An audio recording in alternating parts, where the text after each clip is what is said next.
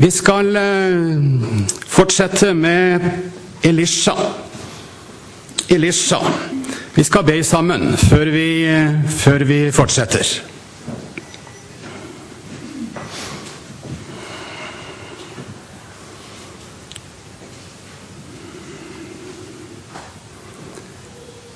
Kjære Jesus, takk at vi får være samla i ditt navn. Og vi tror at du er her midt iblant oss.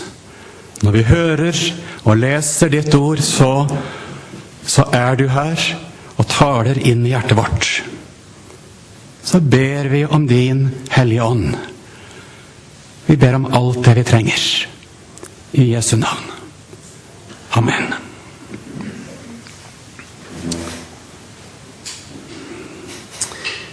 I går så hørte vi om eh, Elisha som eh, kunne fylle de tomme kar hos denne, eh, denne enka som var gjeldsslave. Og han fylte Det ble fylt med olje slik at det dekka både gjelda og betalte framtida for denne familien. Vi hørte også hvordan Elisha eh, formidla liv til den barnløse. Eh, det var ei dame som, eller et ektepar som var barnløse, og så kom Elisha med Guds ord, og så ble det født et barn.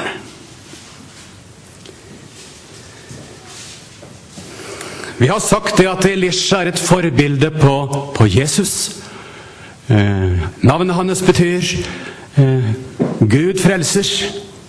Det samme omtrent som navnet Jesus betyr. Og på samme måte som Elisha liksom overtok der Elias slapp, så fortsatte Jesus der døperen Johannes stoppa. Elias er jo et forbilde på døperen Johannes. Det sier Bibelen uttrykkelig. Så har jeg nevnt det at vi leser om Elisha ut fra det som Jesus har sagt. Alle skriftene vitner om meg. Hele Det gamle testamentet forteller om Jesus. Men jeg har prøvd også å understreke det at vi kan ikke lese Bibelen allegorisk på den måten at vi tror at alt i Det gamle testamentet har en dypere betydning. Og at vi på en måte skal forklare alle enkeltheter i fortellingene som vi leser.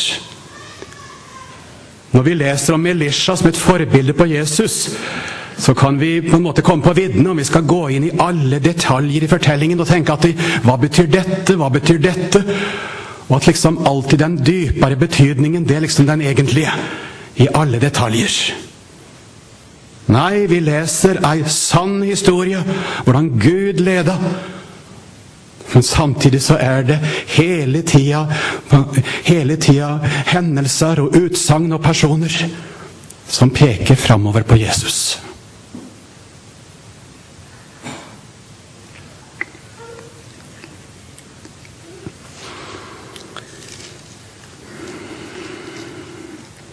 I dag skal vi ta fire hendelser i profeten Elisha sitt liv.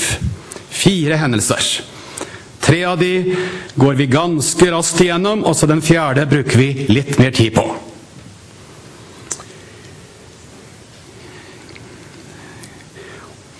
Hun, en, hun kvinna vi leste om i går, den sunamittiske kvinnen, hun hadde fått barn.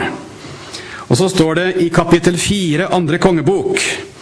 Andre kongebok, kapittel 4.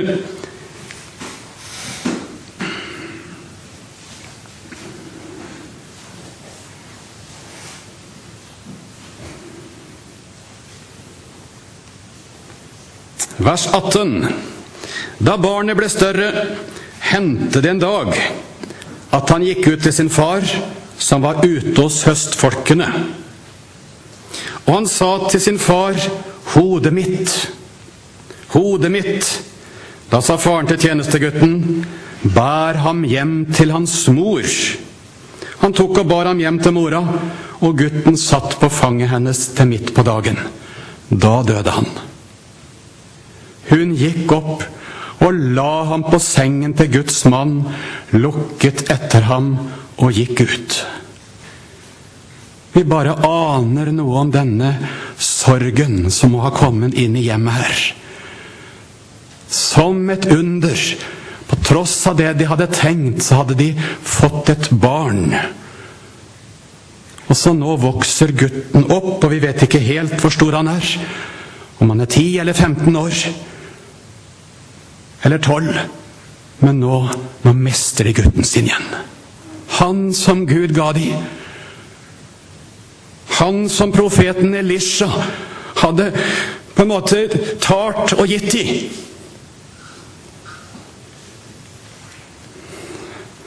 Så eh, er det som at hun, hun tenker, hun, eh, hun mora Jeg fikk denne gutten av, av Elisha, profeten. Det er han som sørger for at han, han, han, han, han kom til livet. Nå går jeg opp og legger den på senga til han igjen. Det er hans ansvar.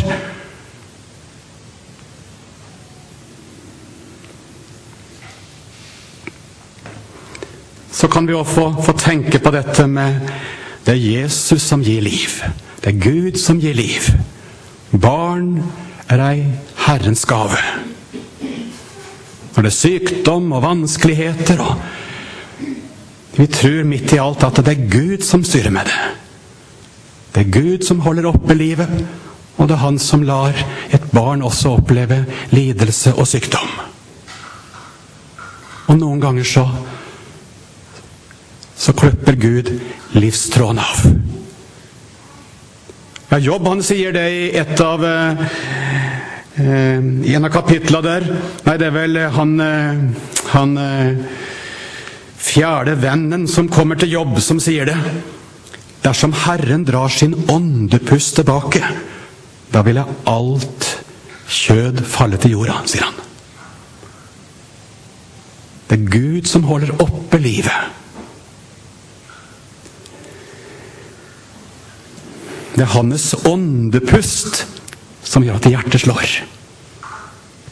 Det er hans åndepust. Ikke med stor Å der, Den hellige ånd, men hans åndepust.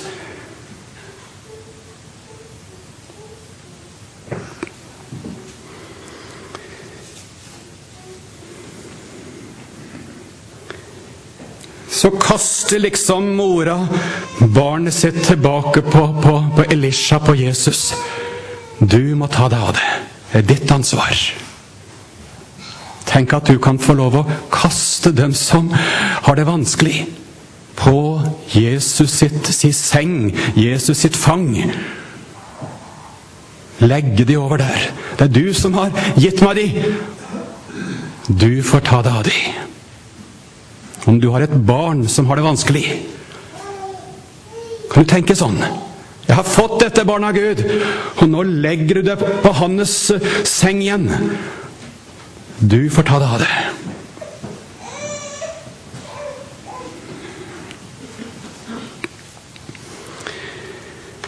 Det står om møtet mellom, mellom eh, denne kvinna og Elisha.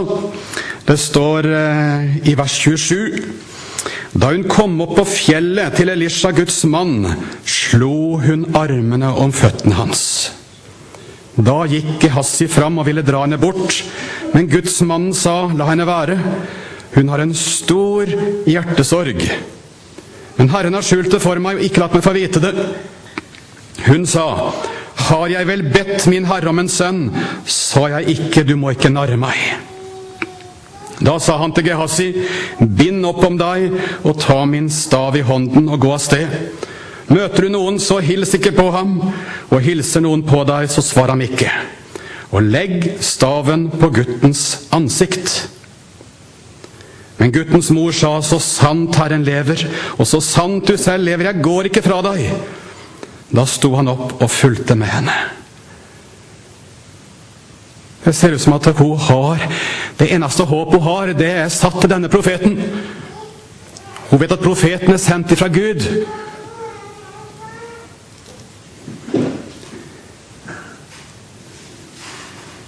Profeten sier til tjeneren nå skal du gå opp til gutten og legge staven din på han. Men det hjalp ikke. Gutten vakna ikke, står det. Men så kan vi lese ifra vers 32. Eh, da Elisha kom til huset, fikk han se at gutten lå død på hans seng. Så gikk han inn, lukka døra og ba til Herren. Så steg han opp i senga og la seg over gutten med sin munn mot guttens munn og sine øyne mot hans øyne og sine hender på hans hender. Da han bøyde seg slik over gutten, ble kroppen hans varm. Så sto han opp igjen og gikk en, gikk en gang fram og tilbake i kammerset. Deretter steg han opp i senga igjen og bøyde seg over gutten. Da nøs gutten sju ganger og slo øynene opp. Han kalte på Gehazi og sa, 'Kall på den synamittiske kvinnen.' Han kalte på henne, og da hun kom inn til ham, sa han, 'Ta sønnen din.' Og hun kom og falt ned for hans føtter og bøyde seg til jorden. Så tok hun sin sønn og gikk ut. Her griper han historie. Hvordan Elisha legger sin hånd og sin munn og sine øyne på denne gutten. Og så våkner han til liv. Ved kontakten med Elisha sin kropp, ved kontakten med Elisha sitt liv, så blir det liv i, i gutten. Det står noe om å ha samfunn med, med Jesu legeme. Det er noe uendelig rikt. Jeg skjønner ikke alltid denne fortellingen. Det er jo noen underlige liksom, bilder og, og hendelser. Men du merker liksom åssen livet kommer ifra Elisha. Og så gir det liv til denne døde gutten. Vi leser faktisk noe av det samme når Elisha er, eh, er død. Andre kongebok, kapittel 13. Det er nå en underlig hendelse. Når denne profeten dør, kapittel 13, vers 20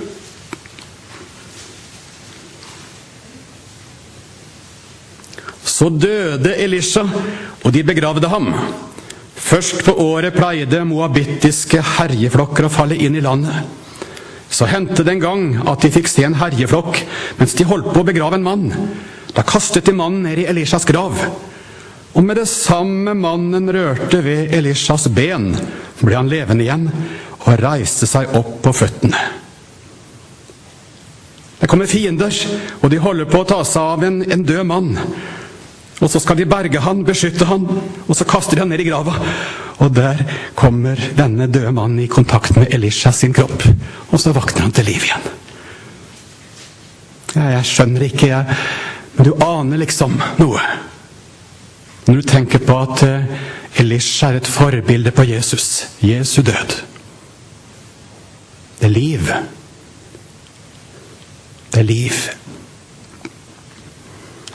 for den som er i nød. For den som på en måte blir kasta på Jesus.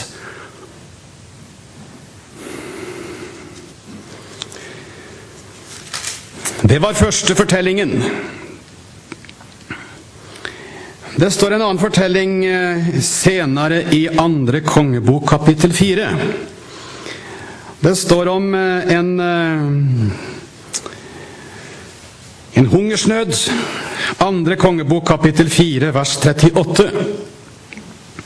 Elisha vendte tilbake til Gilgal. Det var den gang hungersnød i landet.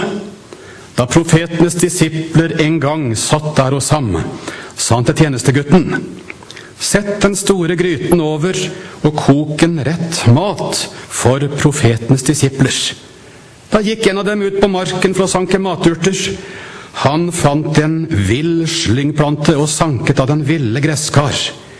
Kappen full. Da han kom inn, skar han dem opp i matgryten, for de visste ikke hva det var. Så øste de opp for mennene for at de skulle ete. Da de begynte å ete av maten, skrek de opp og ropte:" det er død i gryten, du Guds mann. Og de kunne ikke ete. Da sa han, hent noe mel, og han kastet i gryten og sa, øs opp for folket, så de kan få ete. Og da var det ikke lenger noe skadelig i gryten. Hungersnød. Det skal gis mat til Jesu disipler, mat til Jesu venner. Og så er det om å gjøre å sørge for denne maten. Og så er det en som bevisst eller ubevisst han sanker i sammen noen noe, noe urter og noen slyngplanter er, som er giftige. Og kaster opp i denne matgryta. Og så er det jo redningen da til de som på en måte smaker på denne maten. De merker at det er noe galt. Det er død i gryta. Og så roper de om hjelp. Det er gift i maten. Kanskje noen her har lest ei bok, ei oppbyggelsesbok, som heter 'Døden i gryta', eh, av Løvgren. Han frikirkeforstanderen som, eh, som eh, har skrevet 'Våre lamper slukner'. Skrevet mange bøker, og ei av de heter jo 'Døden i gryta'. Da har han nok henta herifra. Sånn som han framstiller det i denne boka, der er det noe gift som har kommet inn i menigheten. Ehm, det er synd som blir forsvart i de troendes liv. Ja, faktisk så skildres det mord og drap som er hemmelig forsvart i menigheten. Det er tatt en eh, abort av et lite barn. Og så er det ikke tatt fram for Gud og gjort opp. Og det er vel, så langt jeg husker, så er det sentralt i, i de som er blant lederne i menigheten der.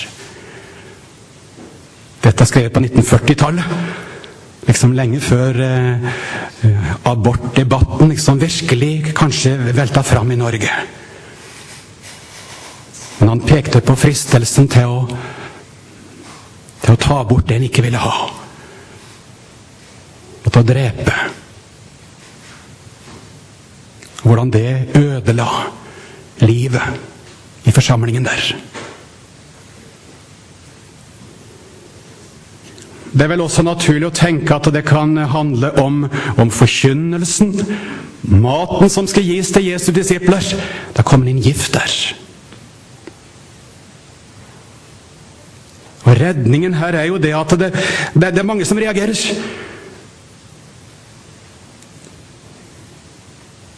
Merker at det er noe som ikke er godt her. Det er død i gryta. Hva kan døden i gryta være i ditt liv eller hos oss? Det har ikke jeg noe enkelt svar på. Hovmotet kan være midt i den på en måte fromme sammenhengen. Hovmotet, det er vi som kan og vet. Det er jeg som kan og vet. Det er jeg som har det. Jeg, jeg, jeg. Bitterheten kan være der. Det har gjort meg noe urett. Og midt i det at du skulle leve med Gud, så, så gjemmer du også på denne bitterheten. De harde tankene imot noen andre som har gjort deg kanskje helt urett. Men du klarer ikke å slippe det. Det ligger der og gnager og gnager. Det er død i gryta i livet ditt.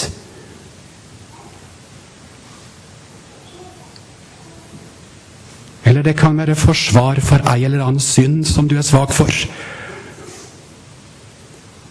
Så vil du ikke åpent erkjenne det og bekjenne det for Gud. Men, men du gjemmer det liksom og, og leker med det.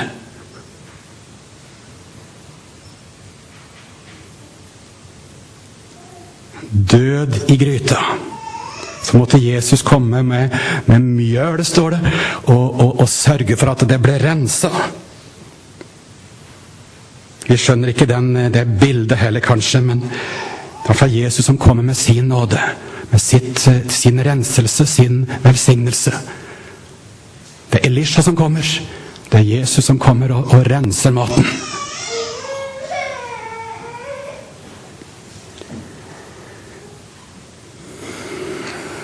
Den tredje fortellingen Der eh, eh, kommer rett i etterkant, vers 42 av eh, i andre kongebok 4. Der står det En gang kom det en mann fra Baal, Salissa, som hadde med seg til Guds mann brød som var bakt av førstegrøden. Han hadde 20 byggbrød og nyhøsta korn i skreppen sin. Da sa Elisha, gi det til folket, så de kan få ete. Men tjeneren sa, hvordan kan jeg sette dette fram for hundre mann? Han svarte, gi det til folket, så de kan få mat.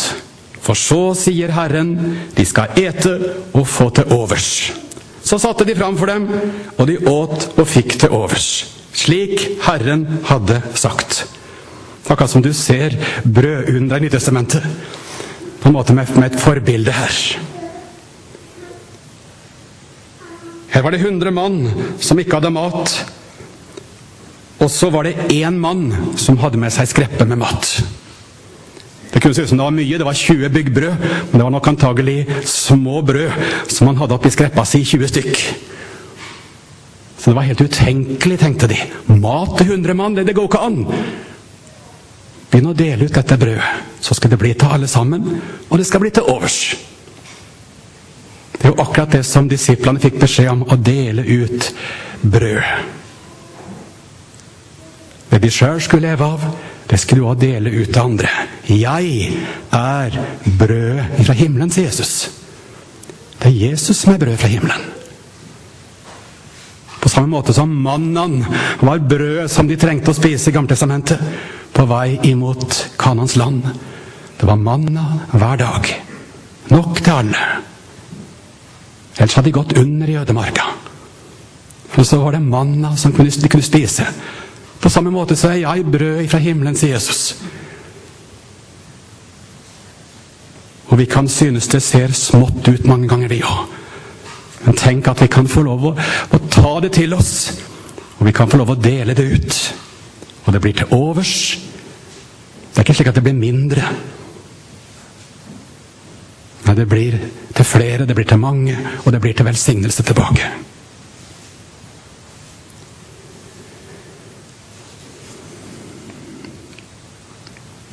Så er den siste fortellingen i kapittel fem. Andre kongebok, kapittel fem. Den har vi brukt mye i barneandakter, kanskje ikke minst. Og vi har brukt det med det for øye at det er Jesus som taler her. Og det er Jesus som handler. Sånn har vi brukt det i forkynnelsen for ungene. Og det kan vi trygt gjøre. Naaman, den syriske kongen, hærføreren, han hadde, Den syriske kongens hærfører hadde meget å si hos sin herre og var høyt akta. For Herren hadde gitt Syria seier ved hans hjelp. Han var en veldig stridsmann, men spedalsk. Syrerne hadde en gang gjort et herjetog og bortført en liten pike som fange fra Israels land. Hun tjente nå hos Naamans hustru. Hun sa til sin frue, bare min herre var hos profeten i Samaria. Da skulle nok han fri ham fra spedalskheten. Naaman gikk inn til sin herre og fortalte ham det og sa, så og så har piken fra Israels land sagt. Da sa kongen i Syria, dra dit, så vil jeg sende et brev til Israels konge. Han dro så av sted og tok med seg ti talenter sølv og 6000 sekel gull og ti festkledninger.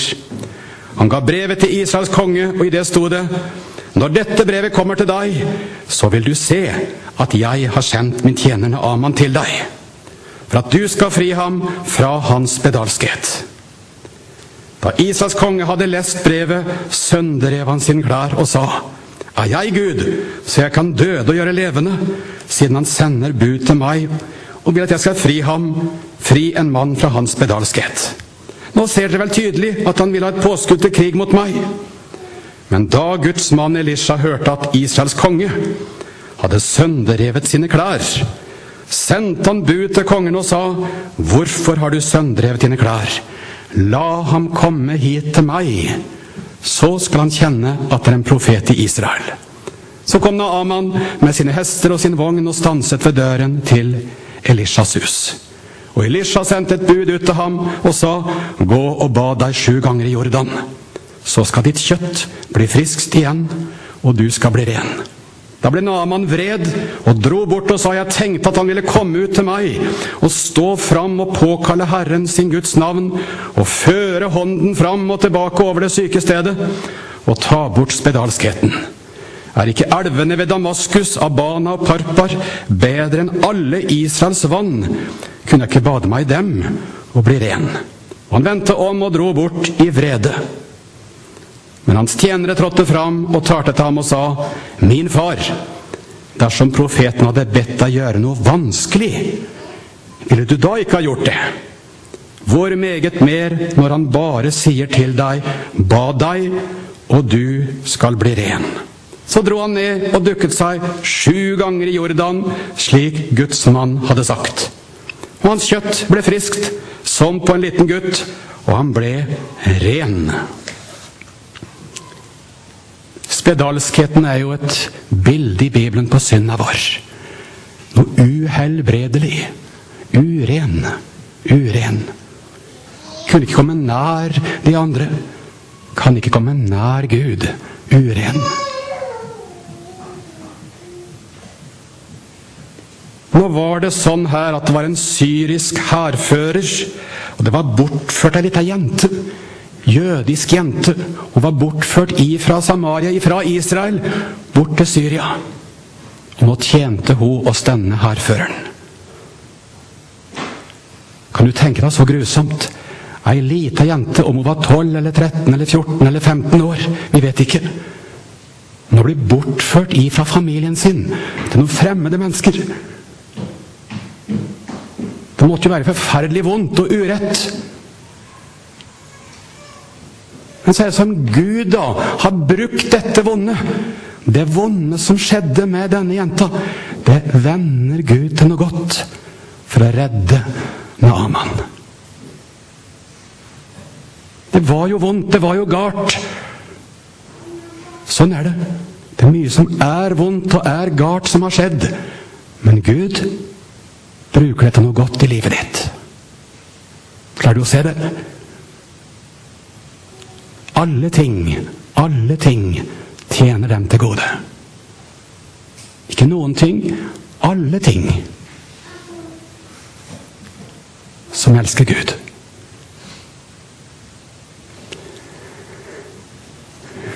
Så vitner hun jenta. Hun har nok vært en trofast hjelper i dette huset.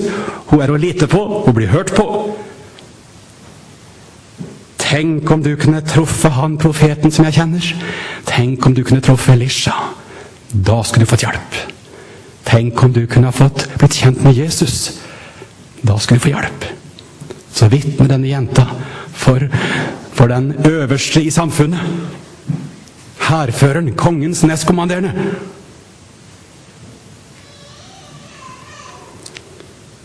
Og så blir det sendt brev til Israels konge om ikke han kan få komme over til Israel. Kongen i Israel blir sint. Det er en som vil, det er en som vil, vil oss krig, som vil, vil slåss mot oss.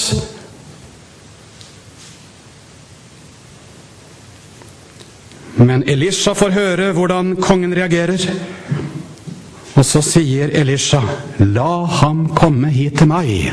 La ham komme hit til meg. La ham komme hit til meg. Sånn, sånn forkynner Jesus til oss. La ham komme hit til meg.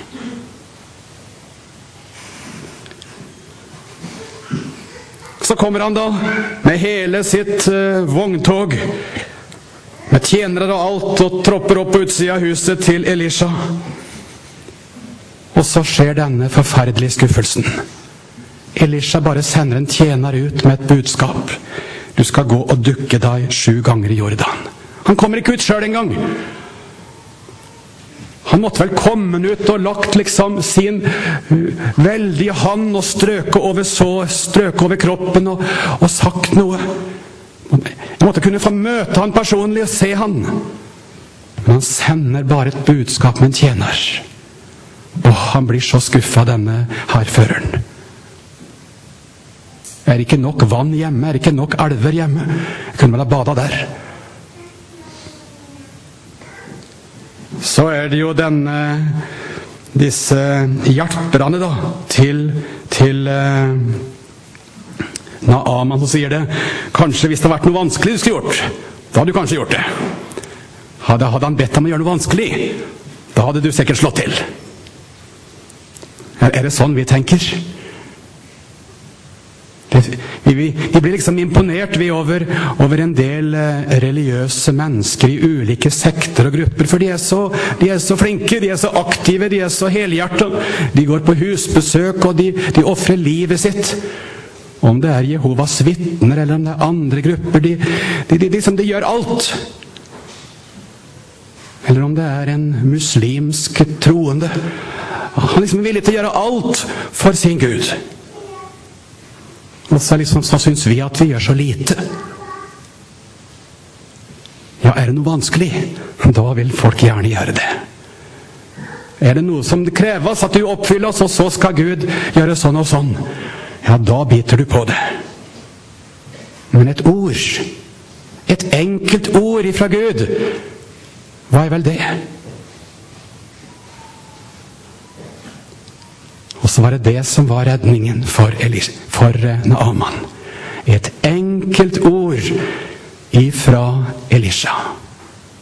Jeg kan ikke få se ham engang, møte ham engang, kjenne han, ta på han. Skal jeg ikke merke noe fra Gud? Skal jeg ikke oppleve, føle, kjenne? Kan du ikke komme, Jesus, så jeg får merke det? Og så sender deg bare et ord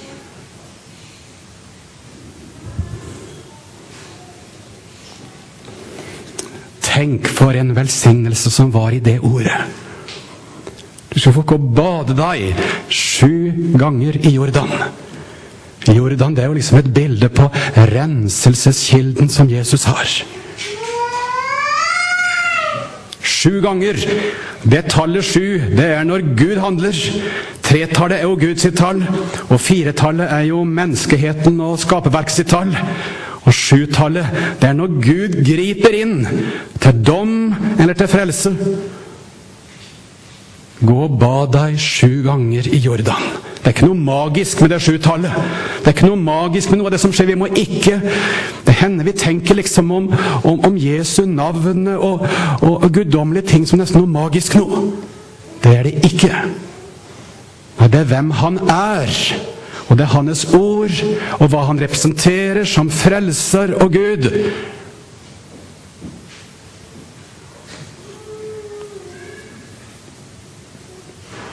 Du får lov å bade deg i evangeliet.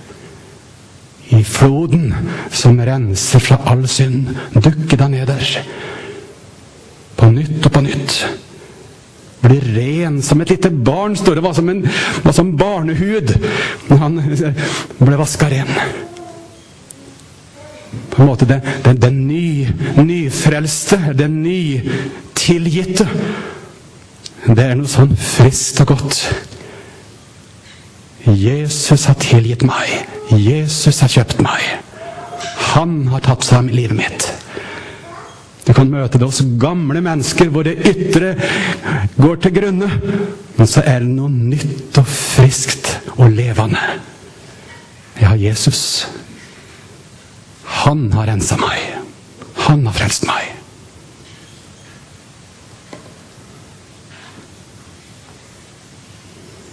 Kjære Jesus.